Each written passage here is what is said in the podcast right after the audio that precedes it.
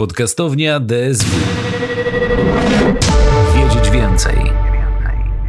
In this podcast, I'd like to ask you about the dual language programs you were observing while on a Fulbright scholarship in the US. What struck you as different than you expected when you first started observing how the dual language education is organized in Texas?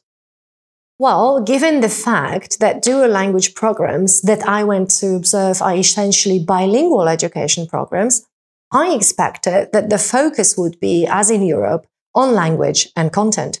Whereas, while being there, I was predominantly surrounded by social justice issues in education. This is, of course, because bilingual education in United States is for minority students and their home languages, and in Europe for all students, but it's conducted in foreign languages if you were to point out, uh, uh, point to the main differences between the bilingual education system in the US and in Europe, what would they be? I guess the main focus on biliteracy and literature, again linked to the issues of social justice to promote engagement for emergent bilinguals and heritage speakers in the US, and the focus on bilingual disciplinary literacies in Europe to support students in learning content through a foreign language more effectively. Mm-hmm. Could you expand on that a little bit more? Yeah, of course. And these are very impactful issues in education, which are shaping education programs. And so, obviously, important to explore in greater detail. So, while being in the US, I have gained a greater understanding of literacies and biliteracy. School practices emphasize authentic biliteracy uh, instruction with the purpose of maintaining students' literacy skills in first and second language. The goal of biliteracy instruction is therefore to add to what students already know in their first language rather than to subtract or replace it with the second language. This is the fundamental understanding of biliteracy, I'd say. Nonetheless, as I said at the beginning, social justice issues are in the center of language learning. Culturally responsive teaching, which guides teachers on how to create classrooms that would reflect families of various races, cultures, socio-economic status. And these principles are those that are changing educational approaches in the US for sure. They are important because they aim at strengthening students' sense of identity, promoting equity and inclusivity in their classroom, engaging students in the course material, and support critical thinking. And it is on these grounds, although not only, that approaches such as critical biliteracies are born. These approaches highlight the dynamics of culture, race, and power which are inherent to both biliteracy and bilingualism.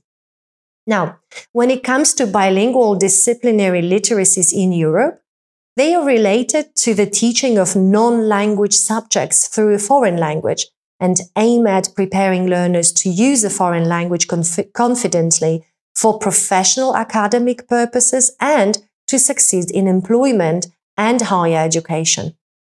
And I think in Europe, we are familiar with this context, so perhaps I won't dwell on that. But I would also like to mention one thing.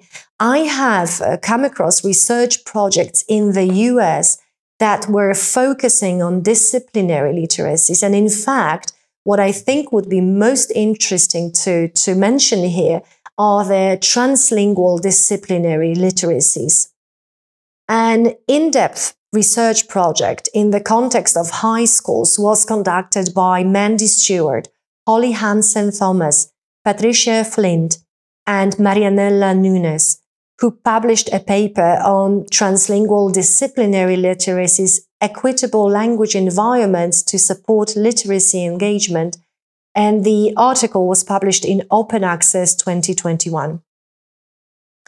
Um, these scholars' understanding of disciplinary literacies focuses on the identities, practices, and information needed to agentively participate in a discipline rather than focusing on specific language or register which is often the main focus of disciplinary literacies in Europe. Hmm. In view of what you have already told us, could you tell us how the dual language school programs are organized in Texas? Yes, by all means. Bilingual education was introduced in Texas in 1973, so this tells you how experienced the institutions involved in designing dual language education are. A document called Bilingual Education and Training Act described full-time bilingual instruction in basic skills in the student's native language, taking into account cultural aspects of their backgrounds. From my observations there, I can say that bilingual schools in Texas are known for cooperating with higher education institutions for teacher development, but also for the process of improving and redesigning curricula on a path towards equity, inclusion, and social justice for all. Um, the dual language programs already mentioned in our conversation are divided into one and two way language programs. The former are designed for monolingual groups of students, for example, students who speak only Spanish and who will be learning English as a second language. The second type of education integrates native speakers of English together with native speakers of Spanish, who together then form a bilingual classroom. Most often, three different educational programs, one, two way, and monolingual, the latter entirely in English, of course, operate in a single educational institution. All the programs are supported by additional specialist teachers whose role is to provide language support to students. The main goal of the one-way school programs for students who are emergent bilinguals is to be gradually introduced to the mainstream education system and, and the second language, while at the same time maintaining cultural identity and developing competence in their native language. Such classes are usually taught by one teacher who speaks both languages. On the other hand, the main goal of the two-way programs is to develop bilingualism and shape intercultural competences, improve the ability to communicate and deepen subject knowledge in both languages. Here, classes are usually taught by two teachers, typically one teaching in English and the other one in Spanish. Um, the latter type of bilingual education programs can be somewhat compared to the bilingual education program commonly used in Europe under the name of CLIL, Content and Language Integrated Learning. Thank you for the insightful talk. You're welcome.